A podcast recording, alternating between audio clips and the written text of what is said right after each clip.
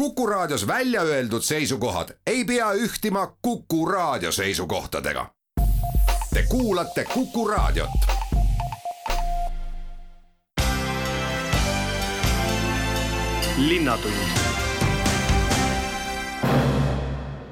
Tere murdelist päeva, kallid kuulajad, kuid enne kui need sõnad lahti lüüa, jõuame rääkida, mis tuli välja ülikooli tehtud koroonauuringuga ning vaatame ringi nii meil Eestis kui ka Hiinas ja mujal maailmas, siis võtame jutuks politsei töö, nii avatud uksed kui ka jõulud ja aastavahetuse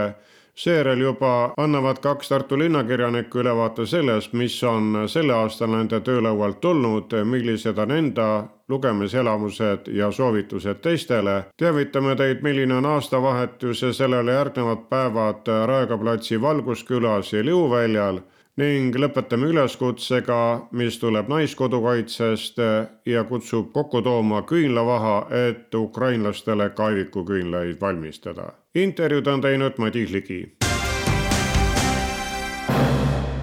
saade algab koroonauuringuga, ülikool on neid pikka aega teinud ja äsja tuli järjekordne välja, professor Rutt Kalda, mitmes see juba järjekorras teil oli? see on meil juba tegelikult kolmekümne teine uuring ehk et me oleme neid teinud tõesti nüüd äh, alates juba kahe tuhande kahekümnenda aasta aprillist ehk kolmkümmend kaks korda ja teeme ühe korra veel ehk jaanuaris äh, teeme kolmekümne kolmandat korda ja siis me ka selle ürituse lõpetame. Et lihtsalt ei ole enam tarvidust? põhimõtteliselt küll, et äh, ütleme siis niimoodi, et meie uuring äh, koosneb kolmest erinevast osast, et üks on siis see, kus me hindame koroonaviiruse levimust, et kui palju inimesi siis on koroonaviiruse kandjad või haigestunud ja, ja teine osa on siis see, kus me hindame antikehade ka isikute hulka ja kolmas on inimeste käitumisuuring. nüüd, mis me nagu ise leiame, et sellist antikehade uuringut ei ole enam vajadust teha, seetõttu et meil on stabiilselt juba üle üheksakümne protsendi inimestest, kes antikehasid omavad ja ja, ja see teadmine on meil olemas, see meid enam, see tea, uut teadmist enam siin juurde vaja pole sama tegelikult ka käitumisuuringutega, mida teevad ka teised äh, institutsioonid nagu näiteks ähm, noh, erinevad küsitlusuuringud, ka Riigikantselei ja jääks ainult siis see viiruse levimusuuring, aga, aga ainult seda, ma arvan, et äh, siinkohal võib selle asja täiesti üle võtta ka Terviseamet, kes ka viiruseuuringuid teostab, erinevate viiruste levimusi hindab, et, et seega me arvame, et nüüd on vast Tartu Ülikooli teadlastel aeg siirduda tagasi teiste uuringute juurde aga mis siis sellest asjasest uuringust äh, põhilisena teil välja joonistus? vast kõige sellisem olulisem sõnum on see, et, et äh, meil koroonaviiruse levimus on ikkagi jätkuvalt kõrge, et ta on seal kuskil sellel tasemel, mis on umbes, et iga seitsmeteistkümnes täiskasvanu on, on siis viiruskandja ja nakkusohtlik, püsinud umbes juba mingi neli, neli kuud järjest. Et, et see ei näita praegu vaibumise märke, aga teisalt, mis on jällegi hea uudis, on see, et, et haigusnähud ikkagi üldjuhul on kerged või mõõdukad. Äh, seega inimesed ei haigestu raskelt ja no seda näitab ka, äh, näitab ka meie haiglate seis praegu. Mm, ehk et kus, kus ikkagi sellist noh, hospitaliseeritakse küll äh, koroonaviiruse kandjaid aga koroonaviiruse tõttu on ikkagi haigeid vähem kui pooled või, või koroonaviiruse tõttu hospitaliseeritute hulgas on, on vähem kui pooled siis, eks ju, need, kes, kes raskesti tõesti põevad seda. nii et, ähm, et selles mõttes ma arvan, et see seis on päris selline võib-olla äh, rahulik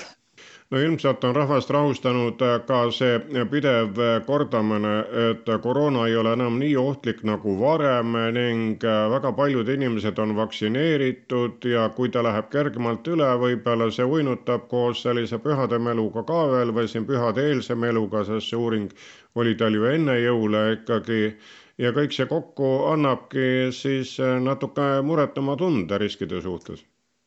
no seda küll, see on tõsi, et ähm, noh, viirus kandub ikkagi inimeselt inimesele just seetõttu, et ähm, midagi nakatumise vältimiseks ette ei võeta, ehk et kui me ära unustame selle, et tegemist on piisknakkusega, mis nakkab lähikontaktis, mis nakkab aevastamisel, köhimisel, inimestega vestlemisel ja kui kergete haigusnähtudega äh, ei jääda koju, ei võeta Äh, kasutusele selliseid äh, enesestmõistetavaid abinõusid nagu lihtsalt kodus püsimine ja, ja ja teistega suhtlemise vältimine, siis see viiruse levik, äh, eriti praeguses omikron viie tingimustes on, on väga kiire ja ja, ja eks ta jõuab ka niimoodi selliste mm, rohkem haavatavate inimesteni ka ehk et võib-olla täiskasvanud, äh, noor täiskasvanud terve inimene põeb selle niimoodi püstijala ja nohu ja väikse köhaga läbi või kurguvaluga, aga jah, et paratamatult on ka neid, kes haiglasse satuvad või siis raskemini põevad ka kodus, noh näiteks nädalaks, nädalaks ajaks kõrge palavikuga voodis või isegi kopsupõletiku lisandumisel, nii et, et ka selliseid juhtumeid on ja seda peab arvestama mis muidugi on nagu, ma arvan, veel seda situatsiooni raskendav, on see, et et ega meil ainult koroonaviirus ei levi, et praegu on ikkagi ka teiste viiruste kõrghooaeg, kaasa arvatud gripiviirus. ega lihtsalt ilma testimata aru ka ei saa, millise viirusega tegemist on. Ja põhimõtteliselt pole ka nagu väga suurt vahet, needsamad kaitsemehhanismid töötavad ka ju teiste viiruste puhul ehk et võiksime igal juhul eh, hoiduda teisi nakatamast, kanda näiteks kas või sümptomite, väikeste sümptomite ilmnemisel maski või kui on vaja liikuda sellistes rohkete inimestega seltskondades, et siis ka võiks, võiks eh, nii-öelda ettevaatusabinõusid rakendada, just nimelt võib-olla siis maski kandmine on siin nagu kõige tõhusam aga proua professor, see nõu on ikkagi endine, et kui koroona on juba külge tulnud, et siis vähemalt viis päeva peab haigestumisega vahe olema, enne kui uuesti kuhugi seltskonda minna? no põhiline on, on see, et ähm, kui meil on mingid olulised ägedad haigusnähud ehk et kui ikkagi palavik püsib ja väga äge köha, siis isegi viie päeva möödudes võib, võib teisi nakatada veel. see viis päeva on enam-vähem äh, selline aeg, kus noh, võib minna seltskonda, kui, kui viirusnähud on kadunud, kui üldse ei ole enam äh, inimene ei tunne ennast haigena ja ei ole sellist ägedat nohuköha, kindlasti mitte palavikku. aga jah, et kui, kui ägedad nähud püsivad, siis ka viis päeva siin veel ei ole nagu selleks piiriks no oma näite varal võin kinnitada, et enne jõulu äh, sain koroona külge ning kolm päeva oli palavikku, kolmkümmend seitse pool ja siis juba läks tavalise kolmekümne kuue nelja peale. Ja selline kuiv kõha, nii-öelda katkutud kõha on aeg-ajalt äh, veel kollitamas, kuid vaatamata neljakordsele vaktsineerimisele ta ikka leidis mu ülesse jaa vaat ma pigem ütleks niimoodi, et tänu neljakordsele vaktsineerimisele võiski see seis olla selline, et, et läks kiirelt üle ja jäi ainult selline väike köha püsima. ehk et võib ka, oleks võinud ka palju hullemini nagu minna ehk praegusel hetkel, kus me oleme väga paljud juba haiguse mingisugused versioonid või viiruse mingid versioonid läbi põdenud, kaasa arvatud vaktsineeritud, ongi väga no suure tõenäosusega see haigus pisut kergem. ehk et vaktsiin ei kaitse väga tõsiselt praegu omikroni ajal enam nakatumise eest, küll aga ta kaitseb raske haigestumise eest ehk et, et enam ei ole ikkagi noh, ütleme, et seda hirmu ei ole, et satuks haiglasse, see suure tõenäosusega on nagu, nagu siis vaktsineeritud äh, või siis ka eelnevalt mitu korda läbi põdenud ja vaktsineeritutel oluliselt väiksem šanss. aga mida näitab ka statistika, et haiglas on need, kes on vaktsineerimata või kelle vaktsineerimisest on väga palju möödas, nii et ja eriti need üle kuuekümne aastased, nii et see näitab väga selgelt seda, milleks vaktsineerimine hea on professor Kalda, vaatame kodust kaugemale. Hiinast tuleb karme uudiseid, et miljonid inimesed on koroonasse jäänud, samas teist kätt on informatsioon selle kohta, et Hiina kavatseb jaanuaris ennast maailmale avada. milleks me peame valmis olema? no Hiina puhul on ju selline seis, et, et nad mõned nädalad tagasi kõik piirangud tühistasid mis neil olid. sinnamaani kehtis neil nii-öelda selline nulltolerants või nullseis ehk et nii kui nakatumisjuhtumeid esile tuli, oli neid paarkümmend näiteks suure Hiina peale, siis kohe oli, olid ka väga ranged piirangud. no nüüd see kõik kaotati ja, ja kuna ka tegelikku statistikat väga head enam seetõttu pole, siis, siis keegi ka enam ei, ei ole ka kohustuslikku testimist, inimesed ei pea, eks ju, raporteerima end testi tulemusi, siis ka puudub ülevaade täielikult sellest, et kui palju neid juhtumeid on ja ega inimesed ka väga hästi seda ei tea. samuti on lubatud tööle minna neil ka haigusnähtudega. nii et, et selline väga selline suur muudatus võib tingida Hiina puhul seda, et et, et nakatunute hulk on väga-väga suur ja ausalt öeldes nii Maailma Terviseorganisatsioon kui ka siis, siis teised juhtivad sellised ähm, nakkuste mm, tõrjeorganisatsioonid on, on öelnud, et nad selle läbi võivad, ennustavad, et, et Hiinas võib isegi olla jaanuari alguses kusagil paari-kolme miljoni haigestunu äh, kohta päevas. praegu nad raporteerivad vaid väheseid juhtumeid, eks ametlikult. ja noh, kuna nii suur nakatunute hulk on, aga hiinlased armastavad ka reisida kui nad avavad siis nagu sellise äh, reisivõimalused või lubavad inimestel reisima minna, siis võib olla nii, et, et igas lennujaamas võib kohata ju ka, ka nakatunuid või haiguskandjaid ähm, hiinlasi, ega seda ei saa ju välistada ka praegu, aga siis kindlasti enam. Nii et sellega peab arvestama, ma arvan, et, ähm, et kõigepealt, et need, kes reisivad, need peaksid ikkagi ka lennujaamades ja reisi peal ennast kaitsma ja maskiga kindlasti. aga mis veel, et, et mis on nagu tõsi, on see, et praegu seal me teame, et seal levib ka see omikron tüvi äh,, omikron viis, mis on meil, aga, aga seal alavormides tõesti võib-olla see BF7 on nagu enam levinud, ega me täpselt ju ka ei tea, sellest statistikat ju väga head ei ole, mis levib isegi nagu kiiremini ja, ja põgeneb ka nagu selliste immuunkaitse eest paremini ära. et, et äh, mine võta kinni jah, et kuidas see seis siis on, et kui palju seda siis, äh, siis uuesti Euroopasse neid nakatunuid tuleb. eurooplasi kaitseb muidugi see, et me oleme suurel määral vaktsineeritud meil ei ole olnud seda noh, nii-öelda äh, nii suurt isolatsioonikohustust, seetõttu me oleme ka läbi põdenud seetõttu me oleme mõnevõrra paremini kaitstud kui hiinlased, kes isolatsiooni tõttu ei saanudki võib-olla eelnevalt neid äh, haigustüvesid läbi põdeda. nii et selline situatsioon, mida me väga hästi ette ei kujuta, aga mis võib küll ohuks, ohuks tulla seega kokkuvõtvalt, professor Kalda, võime tõdeda seda, et ikkagi need, mis meile koroonaga said nagu rohkem omaseks, elementaarsed ettevaatusabinõud tuleb au sees hoida ka nüüd, kus võib-olla koroonat enam nii palju ei ole, kuid ei tasu ennast uinutada, et ta oleks siitmailt kadunud, seda mitte, ükskõik, kas me liigume siin kodutanumal või võtame ette ka pikemaid kaari. tuleb ennast säästa, tuleb äh, kasutada maski, ninaspreid või mida iganes selleks, et äh, paremini ennast tunda ja terve olla. just nii, nii ma arvan küll ja, ja, ja iga nagu terviseteadlik inimene ikkagi kaitseb ennast nii palju, kui ta nagu saab ja kaitseb ka teisi nakatumise eest selle tõttu, et, siis on meil kõigil nagu endal ka Eestis nagu parem äh, liikuda, olla aktiivne olla, ehk et mida rohkem me kaitseme ennast, kaitseme teisi, seda tervemad me kõik oleme. linnatund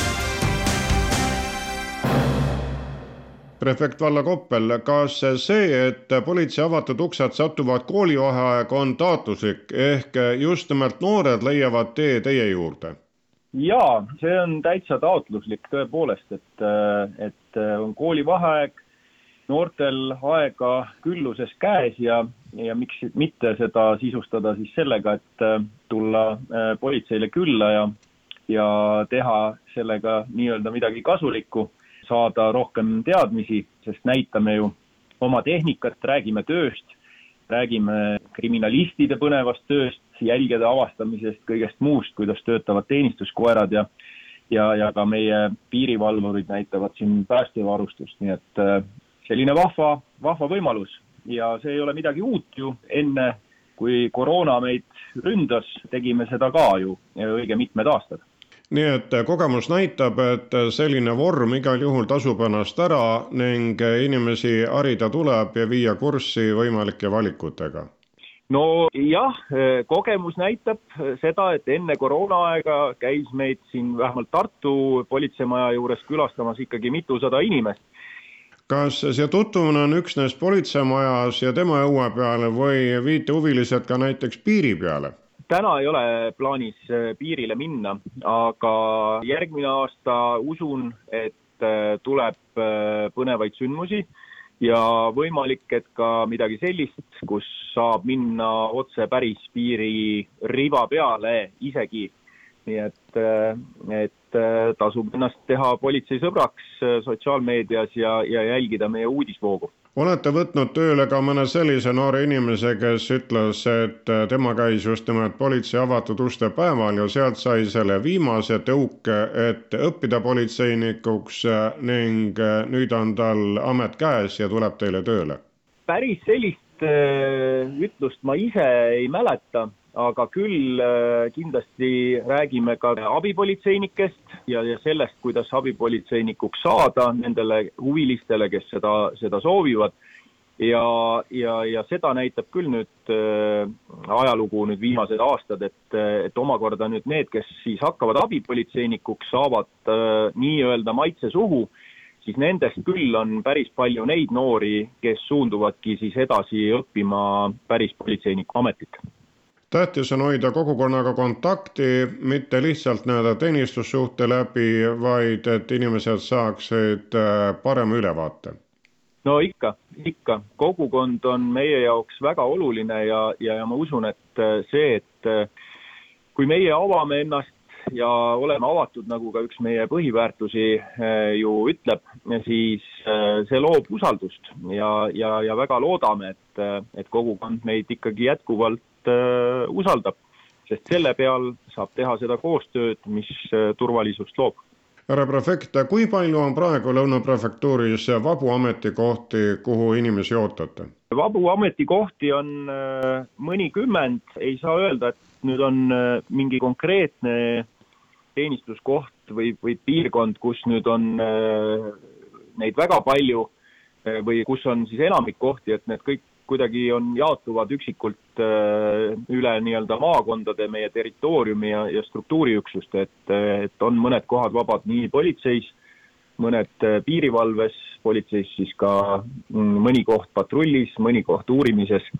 nii et, äh, et loodame leida jällegi täiendust,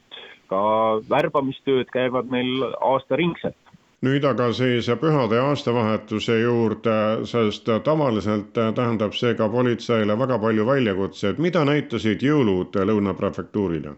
no meie piirkonnale, nii nagu ikka, ei olnud midagi uut ja nagu ka ülejäänud Eestile, pühad olid töised, kuid sellel korral tuleb öelda, et meie piirkonnas õnneks väga raskeid vahejuhtumeid praktiliselt ei olnud ja nii on alati, et eh, kui rahvas puhkab, siis meil on need kõige kiiremad ajad, sest eh, kahjuks kuidagi on meil ühiskonnas ikkagi veel nii, et eh, kui on pidu, siis on ka napsi ja paljude jaoks seda napsi rohkem, kui, kui mõistlik oleks. Ja sellest omakorda siis sünnivad need pahandused, on selleks siis lähisuhtevägivald, mida samuti oli tavapäevadega võrreldes kolmandiku võrra rohkem või siis lärm ja, ja avaliku äh, korra rikkumise teated. ja, ja, ja napsisena tikutakse ka äh, rooli, et äh, nelja päeva jooksul kontrollisime siin ära kaheksa tuhat juhti umbes ja hea meel on siiski, et valdav enamus järgib reegleid, aga siiski noppisime sealt hulgast välja kolmkümmend alkoholi pruukinut kas korravalvuritele tähendab aastavahetus sedasama, mis jaanipäev, ehk just nimelt siis on teil rohkem tööd ja ka tihendate kontrolli, et õnnetusi ära hoida? no ikka, ikka, et vaatame oma andmebaase, kuidas meil see rikkumiste muster või koormus on olnud varasemalt, katsume arvestada tänaste oludega ja, ja vastavalt sellele ka planeerida tööle siis äh, piisaval hulgal äh, korrakaitsjaid ja, ja, ja on selge, et noh, näiteks siis lähisuhtevägivalla kutseid tõepoolest äh, on kõige rohkem kahel juhul aastal. üks on aastavahetus ja teine on jaanipäev. nii et, et see, see on kurb, et selline koduseinte vahel see vägivald sageneb, on tülid, nagu ma ütlesin, siis liigsest napsu võtmisest ja, ja muidugi meile selle kurva asja juures teeb rõõmu ikkagi see, et, et kui kogukond meid usaldab, siis, siis inimesed sekkuvad ja, ja annavad meile teada sellest, kui,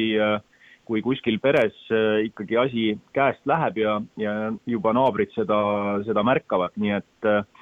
seda tuleb teha, sest sageli ei ole see vägivalla ohver ise kas siis vaimselt võimeline üldse seal sellises ka mõnikord šokiseisundis üldse abi kutsuma või siis teinekord hullematel juhtudel ka füüsiliselt, et et tuleb kaitsta kaaskodanikke ja, ja eriti siis tegelikult ka neid lapsi, kes pahatihti satuvad seda, seda vägivalda pealt nägema.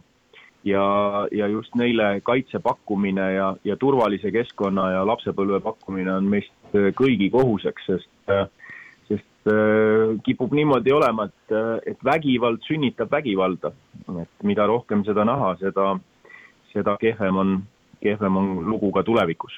ja lõpetuseks, Vallo Koppel, räägime ka sellest, mis toimub politseimaja alumisel korrusel ehk kus uuendatakse oma dokumente, olgu tegemist siis ID-kaardi või passiga. kas aasta lõpul käib seal tavaline siginsagin või on selline pühadevahe?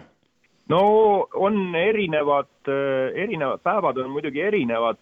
kipub olema niimoodi, et tegelikult iga kuu lõpp on alati rahulikum kui äh, kuu algus, äh, sest see kuidagi seondub ka sellega, et, äh, et millal inimestel on palga ja, ja, ja muud pensi ja toetuse päevad, et millal siis omale dokumente teha soovitakse, millal seda kulutust teha soovitakse. nii et äh, ei ole kõige hullem, aga, aga saginat jagub ja siinkohal kutsun ikkagi üles, et äh, selle aasta jooksul oleme äh, tublisti suutnud kasvatada nüüd meie e-teenuste mm, osakaalu, et üle poolte inimeste ikkagi taotleb juba ja on leidnud tee mm, e-taotluskeskkonda, et, et ei ole vaja üldse meie majja tulla selleks, et omale äh, dokumente taotleda. et äh, see tuleb ise ära teha ja siis äh, ainult selleks, et need kätte saada, siis vajadusel, vajadusel siis meie juurde tulla. Linnatund kui siiani teadsime Carolina Pehgalt kui luuletajat, telkijat ja toimetajat ja muidugi kui Tartu linnakirjanikku, siis novembris lisas ta esiromaaniga Vaadates ööd siia, et on ka romaanikirjanik. kuidas siis äh, esiromaanil on läinud? loodan, et, et hästi, kuna ta alles äsja ilmus, siis ma midagi väga suurt ei oska öelda, aga, aga minu jaoks äh, oli see siis jah, selline noh, teatav äh, noh, ikkagi mingisugune ehm, selline uus väljakutse, et, et kirjutada proosat, kuigi noh, proosa poole vaikselt olin ka juba varem liikunud, veidi katsetanud, aga et, et mingis mõttes selles raamatus ähm, siis on mingid mõned sarnased teemad, millega ma olen ka varem oma luuletustes tegelenud, sellised äh, mäluküsimused äh,, aga, aga et äh, siis see proosa vorm või see formaat ähm, andis võimaluse äh, siis äh, rohkem võib-olla lugusid jutustada, tuua sisse erinevaid tegelasi ja see kõik oli äh, noh, mu enda jaoks oli, oli päris põnev. kas seda plaani romaan kirjutada pidasite pikalt, kaalumist oli palju? no mõnes mõttes ta kasvas ikkagi kuidagi orgaaniliselt välja, et, et minu eelmine luulekogu oli ka proosaluulekogu ja võib-olla see romaan äh, on ka pigem, ta on pigem poeetiline, poeetilise keelega, need peatükid on nagu lühikesed, natuke on seal sellist fragmentaarsust, noh, mis muidugi sellises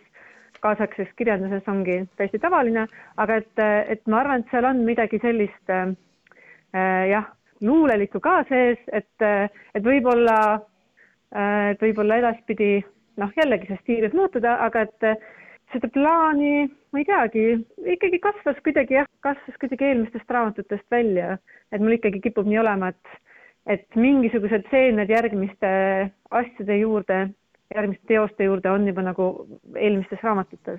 olete kiirekirjutajad, kui mõte juba jooksma hakkab, siis tuleb ja tuleb vastupidi, ma olen väga aeglane kirjutaja. ma noh, luuletusi vahel olen kirjutanud ka niimoodi no lause kaupa, rida-rea kaupa. Ja seda romaani samuti, et kirjutasin seda kolm aastat. Ja noh, muidugi, et ka ikka on palgatöö, perekond, et äh, muud, muud esinemised, projektid, aga et, et seda ja et aega oli natuke, natuke võib-olla raske isegi leida siin vahepeal tuli koroona appi aga ja, et ma olen pigem, pigem aeglane kirjutaja, aga see tähendab ka seda, et kui ma midagi juba kirjutan, siis enamasti noh, enam-vähem sellisel kujul on ka paigas, et, et ähm, et pigem enne siis mõtlen seitse korda ja siis panen selle rea kirja. aga mis on siis äh, luule poole pealt praegu pooleli, mis jõuab varsti ka kaante vahele ja lugejateni? No praegult vist ongi nii, et ma olen veel hetkel sellisel proosalainel, et on mõtted järgmise raamatu jaoks pigem ka proosas. Ja et ma kuidagi mitut raamatut korraga vist ise ei, ei suudagi kirjutada, et kogu see, kogu see luule läks sinna proosaraamatusse ikka, et see luule on ka kõik seal sees. nii et võib-olla noh, eks näis, ma arvan, et kunagi, et ma, kunagi ikkagi tuleb ka mõni luulekogu veel, aga praegu, praegu tundub olevat pigem selline proosalaine. mida teie kogemus ütleb, kas praeguses rutulises maailmas ja ohte täis maailmas inimesed tahavad lugeda, üldse lugeda, lugeda nii proosat kui ka luulet ehk mida nende hing ihkab? üldises plaanis vist on nii, et noh, luulet loetakse ikkagi vähem, et sellel on sellised võib-olla väiksem lugejaskond ja, ja proosal on võib-olla veidi suurem lugejaskond et noh, sellistel segastel aegadel ma arvan, kirjandus on nagu üks koht, kust võib ähm, noh, ühest küljest nagu sellist äh, mingit toetust, tugipunkti leida. see võib olla ka võimalus, kuidas vahepeal mõtted mujale viia, aga see võib olla ka võimalus, kuidas ähm, selliseid keerulisi tundeid või teemasid äh, läbi endast lasta või läbi elada ja, ja kindlasti sellel on väga suur, noh, kirjandusel üldse selline suur empaatiavõime arendamine, aga ma tean, et näiteks Ukrainas äh, luuletajad äh, noh, on ikkagi esinenud staadionitel, eks ole, noh, mitte ilmselt hetkel, aga, aga näiteks selle kahe sõja vahel äh, ja, ja et see, et kuidas luuletajad panid kõik need sõjakogemused tekstidesse, et see oli ääretult, ääretult oluline, selline läbimõtestamine. Šadan näiteks ja, ja eesti keeles on ka ilmunud Ljubov Jakimtšuki luulekogu Donbassi aprikoosid et ähm, kunstil on selline, seda on vaja selleks, et, et äh, neid äh,, neid kogemusi mõtestada, et tal on selline mingisugune teatav noh, ühest küljest nagu teraapiline vorm võib-olla, aga, aga ikkagi ka nagu filosoofiline pool Karoliina Pehelgas, kui aga enda selle aasta lugemused kokku võtta, siis mis jättis kõige sügavama jälje hinge, kas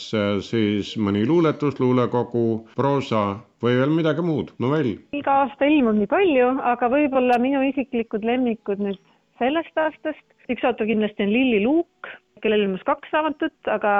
mulle läks eriti korda tema novellikogu Kolhoosi Miss, mis räägib sellisest Nõukogude lõpu perioodist või ajastust, mis on, need on ka, tal on ka väga poeetilised tekstid, aga, aga mis lähevad sügavuti ja luulest äh, oli kindlasti üks suur lemmik Tõnis Vilu luulekogu, Kõik linnud valgusele, mis ilmus Loomingu raamatukogus ja on lihtsalt selline suurepärane luulekogu. Võiks soovitada veel Piret Raua novellikogu Nimepanija ja Katrina Kalda romaani Metsiku maailma melanhoolia, mis, mis tegeleb selle kliimateemade, kliimaärevuse küsimusega, kuidas maailmas elada, et ähm, ja näiteks neid raamatuid soovitaksin, soovitaksin kindlasti. järgmine usutletav on varasem linnakirjanik Juhan Voolaid, kuidas on aasta läinud? aasta on läinud äh, kaheti, ütleme, et isiklikus plaanis on äh, läinud kehvasti, sest et äh, meie hulgast lahkus mu vend Kalle ja see on jätnud aastale sellise noh, musta pitseri ja teiseks muidugi on see kohutav Ukraina sõda, mis kestab ja kestab ja mis tekitab äh, niisuguseid noh, halbu meeleolusid. nüüd, kui rääkida kirjanduse poolest, siis on äh, läinud, ütleks hästi, et ilmus, siin aasta lõpus ilmus veel kaks raamatut mul, mis sattusid niimoodi ühel, ühel ajal välja tulema trükikojast. üks oli siis ülikorvpalluri loomine, mis sisaldab kuute spordinovelli, et need ongi siis sihtrühmaks nii-öelda ongi sportlased ja siis spordihuvilised, tugitoolisportlased ja kõiki, kellele sport korda läheb. aga selle raamatu üldistusvõime on ka selline, et tegelikult leiavad sealt ka teised lugejad endale kindlasti palju põnevat ja, ja, ja teine raamat, mis välja tuli, oli lastele, koolieelikutele ja esimese-teise klassi õpilastele mõeldud raamat Kommikoletis. et seal on viisteist lugu, millest siis pooled umbes olid varem mul ilmunud tähekeses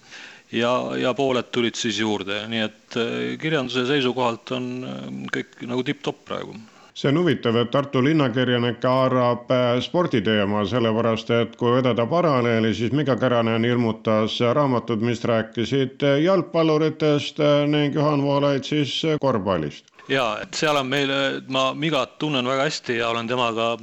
nii-öelda no kas just pidevalt, aga ikka kontaktis ja meil on selles mõttes äh, sporditaust mõlemil üsna sarnane. et tema oli noorena, mängis jalgpalli, mina mängisin noorena korvpalli ja kusjuures isegi niimoodi, et tema mängis äh, nii palju, kui ma, ma loodan, et ma nüüd ei eksi, et Soome noortekoondises lausa jalgpalli ja no mina mängisin Eesti noortekoondises siis korvpalli. et see spordi, spordihuvi on selles mõttes meil mõlemil sees jah ja, ja noh, eks need spordijutud on mul ammu sees olnud ja ootasid väljapääsemist. aga noh, tulid nüüd kas see, mis linnakirjaniku aastal sai nagu hoo üles kohtumistele kutsumine ja kõikvõimalikud kirjandusklubid, on jätkunud ka pärast seda, kui teatepulk on antud juba järgmistele linnakirjanikele? Ei, sellise hooga muidugi enam mitte, et ütleme, kui linnakirjaniku aastal oli ikkagi niisugune pidev valmisolek number üks kõigele, kõigile kutsumistele ja pakkumistele reageerida, siis pärast on neid ikkagi kordades vähemaks jäänud, neid kutsumisi ja pakkumisi ja ütleme, et inimestega kontakt, selline otsene kontakt ja suhtlus on jäänud ikkagi põhiliselt ainult raamatu siis nende no tutvustuste tasemele, et kui mõni raamat ilmub, siis tulevad inimesed kokku ja siis räägime. et väga palju niisugust muud suhtlust ei ole olnudki, jah aga kui palju on aidanud suhtlemisele kaasa see, et see aasta oli ka raamatukogude aasta, mil korraldati mitmeid kohtumisi kirjutajate ja lugejate vahel? mind otseselt, kui ma nüüd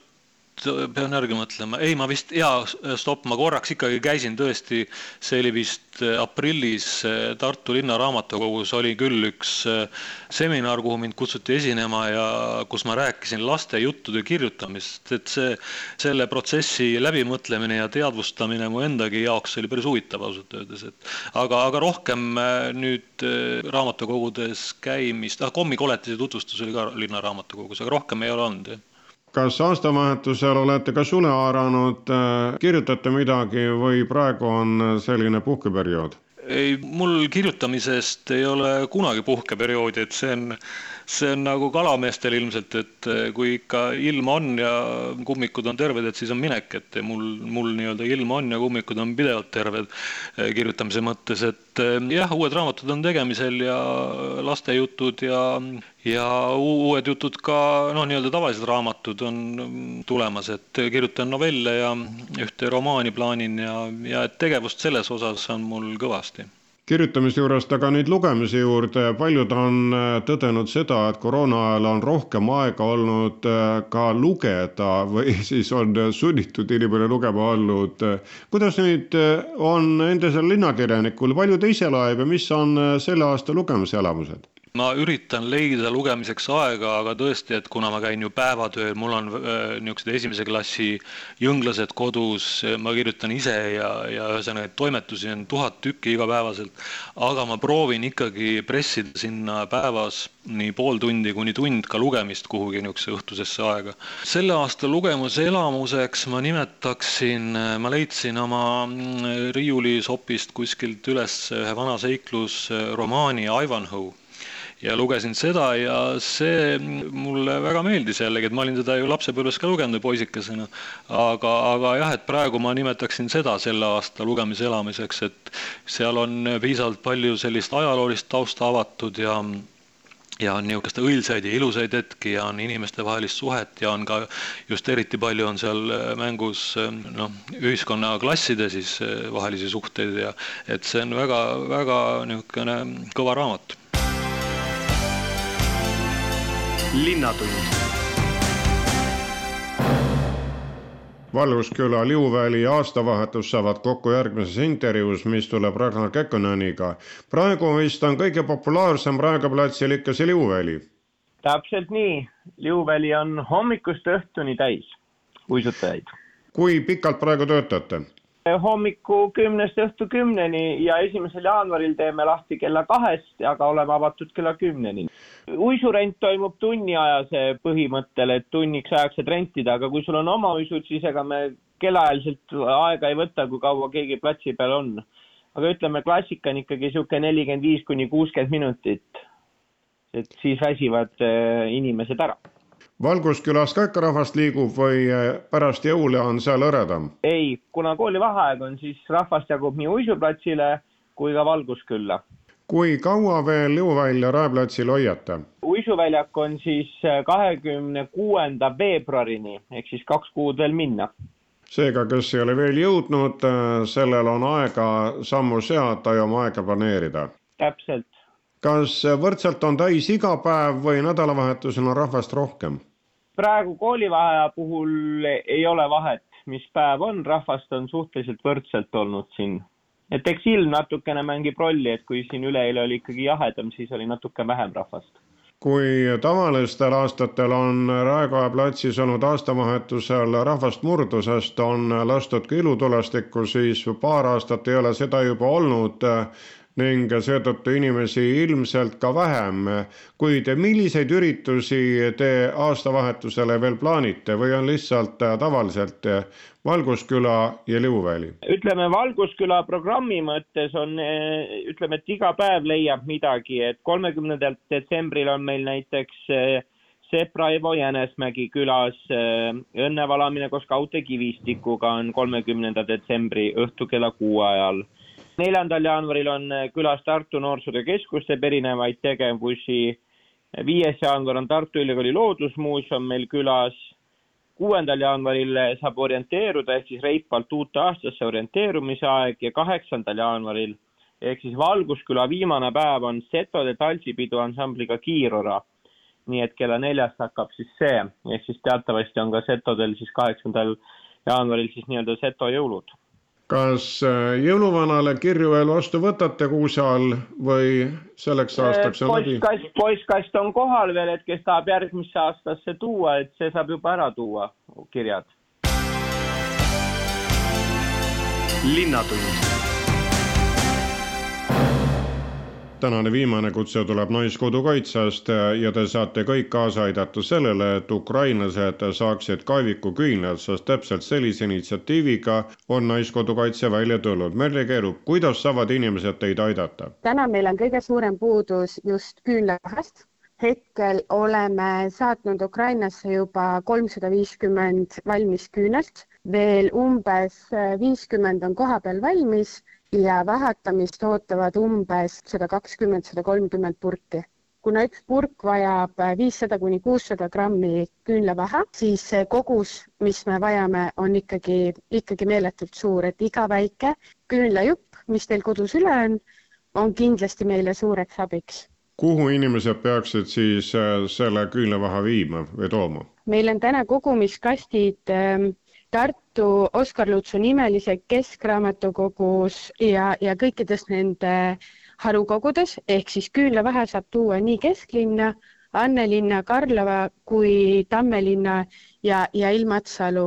kogumispunktidesse. kui kaua teie aktsioon kestab? nii kaua, kuni on vajadust ja nii kaua, kuni meil on abikäsi ja nii kaua, kui või nii palju, kui meil materjali on kuidas te senini olete toimetanud, kus te olete seda küünlavaha kogunud, kuidas saanud ja mismoodi see protsess on käinud, et ukrainlased kaevikuküünlaid ka saaksid meilt? Täna on meil suureks abiks Naiskodukaitse vabatahtlikud. hetkel on osalenud juba üle viiekümne inimese, kas siis ise valmistamisel või küünlavähe kogumisel. valmistanud oleme me siiamaani neljal korral alates novembri lõpust vaha on kogutud eraisikutelt enamasti, on ka olnud ettevõtteid, näiteks Võhma valgusetehas on meid toetanud küünlavahaga. inimesed äh, on kodudes põletanud küünlaid ja need jäägid on järgi jäänud, oodatud on tõesti siis kõik nii, nii juba põletatud küünlajäägid kui ka sellised vanad küünlad, mida enam põletada ei soovi Mõtlete ikka suuri küünlaid, neid äh, väikeseid nii-öelda teeküünlad, mis äh, on äh, sellise alumiiniumtopsi sees, need ei kõlba või lähevad siiski? kõik läheb loosi, absoluutselt kõik läheb loosi. oleme neid väikeseid teeküünlaid juppideks lammutanud, alumiinium läheb eraldi kogumisse ja need suured küünlad ja küünlajäägid, vahad, mesilasvaha, absoluutselt kõik, mis põleb, kõik läheb kasutusse see teie ettevõtmine näitab seda, et ukrainlasi saab aidata väga lihtsate võtetega, nii et äh, ka küünlavaha kogumine on üks samm sellest reast, et ukrainlastel oleks kergem. just nii et äh, praegu võib siis juba minna nii Lutsu raamatukokku kui ka arukogudesse, kus äh, teie kogumiskastid on üleval ja oma küünlavaha sinna jätta. ja, ja suured-suured tänud kõigile, kes aitavad. nagu ma ütlesin, iga väike jupp on juba abiks see on siis Naiskodukaitse selline üle-eestiline ettevõtmine, mitte üksnes Tartu kandi oma? tänasel päeval teevad neid küünlaid ainult Tartu ja Tallinn. Tartu alustas ennem ja, ja Tallinn võttis nüüd detsembris hoogu kallid kuulajad, see oli viimane kuues intervjuu, mis lõpetas ka saate, kus rääkisime koroonast ja koroonauuringust. selgitusi andis Tartu Ülikooli peremeditsiini professor Rutt Kalda politseitööst, jõuludest ja aastavahetusest rääkis lõunaprefekt Vallo Koppel, linnakirjanikud Juhan Voolaid ja Karoliina Pehelgas andsid ülevaate sellest, milline oli nende loomeaasta, millised tähelepanekud ja soovitused lugemiseks. Ragnar Kekkonen kutsus Valguskülla ja Raekoja platsi Liuväljale ning Merli Keerup teavitas sellest, mida teeb Naiskodukaitse selleks, et ukrainlastel oleks kergem ja kutsus teidki küünlavaha viima kas Lutsu raamatukokku või tema arukogudesse selleks, et ukrainlastele kaevikuküünlaid teha. Intervjuud tegi Madis Ligi ja lõpetuseks tulen siis alguse juurde tagasi, ehk eh, miks ma ütlesin, et täna on murdeline saade, seda sellepärast, et veerandsada aastat on sellel sagedusel olnud eetris kas Tartu tund või Linnatund, kuid seoses ümberkorraldustega Kuku tehnilises plaanis on uuel aastal uutmoodi. meie koostöö jätkub ainult teises vormis ja teises pikkuses ehk jälgige reklaami. aitäh kuulamast, olge terved linnatund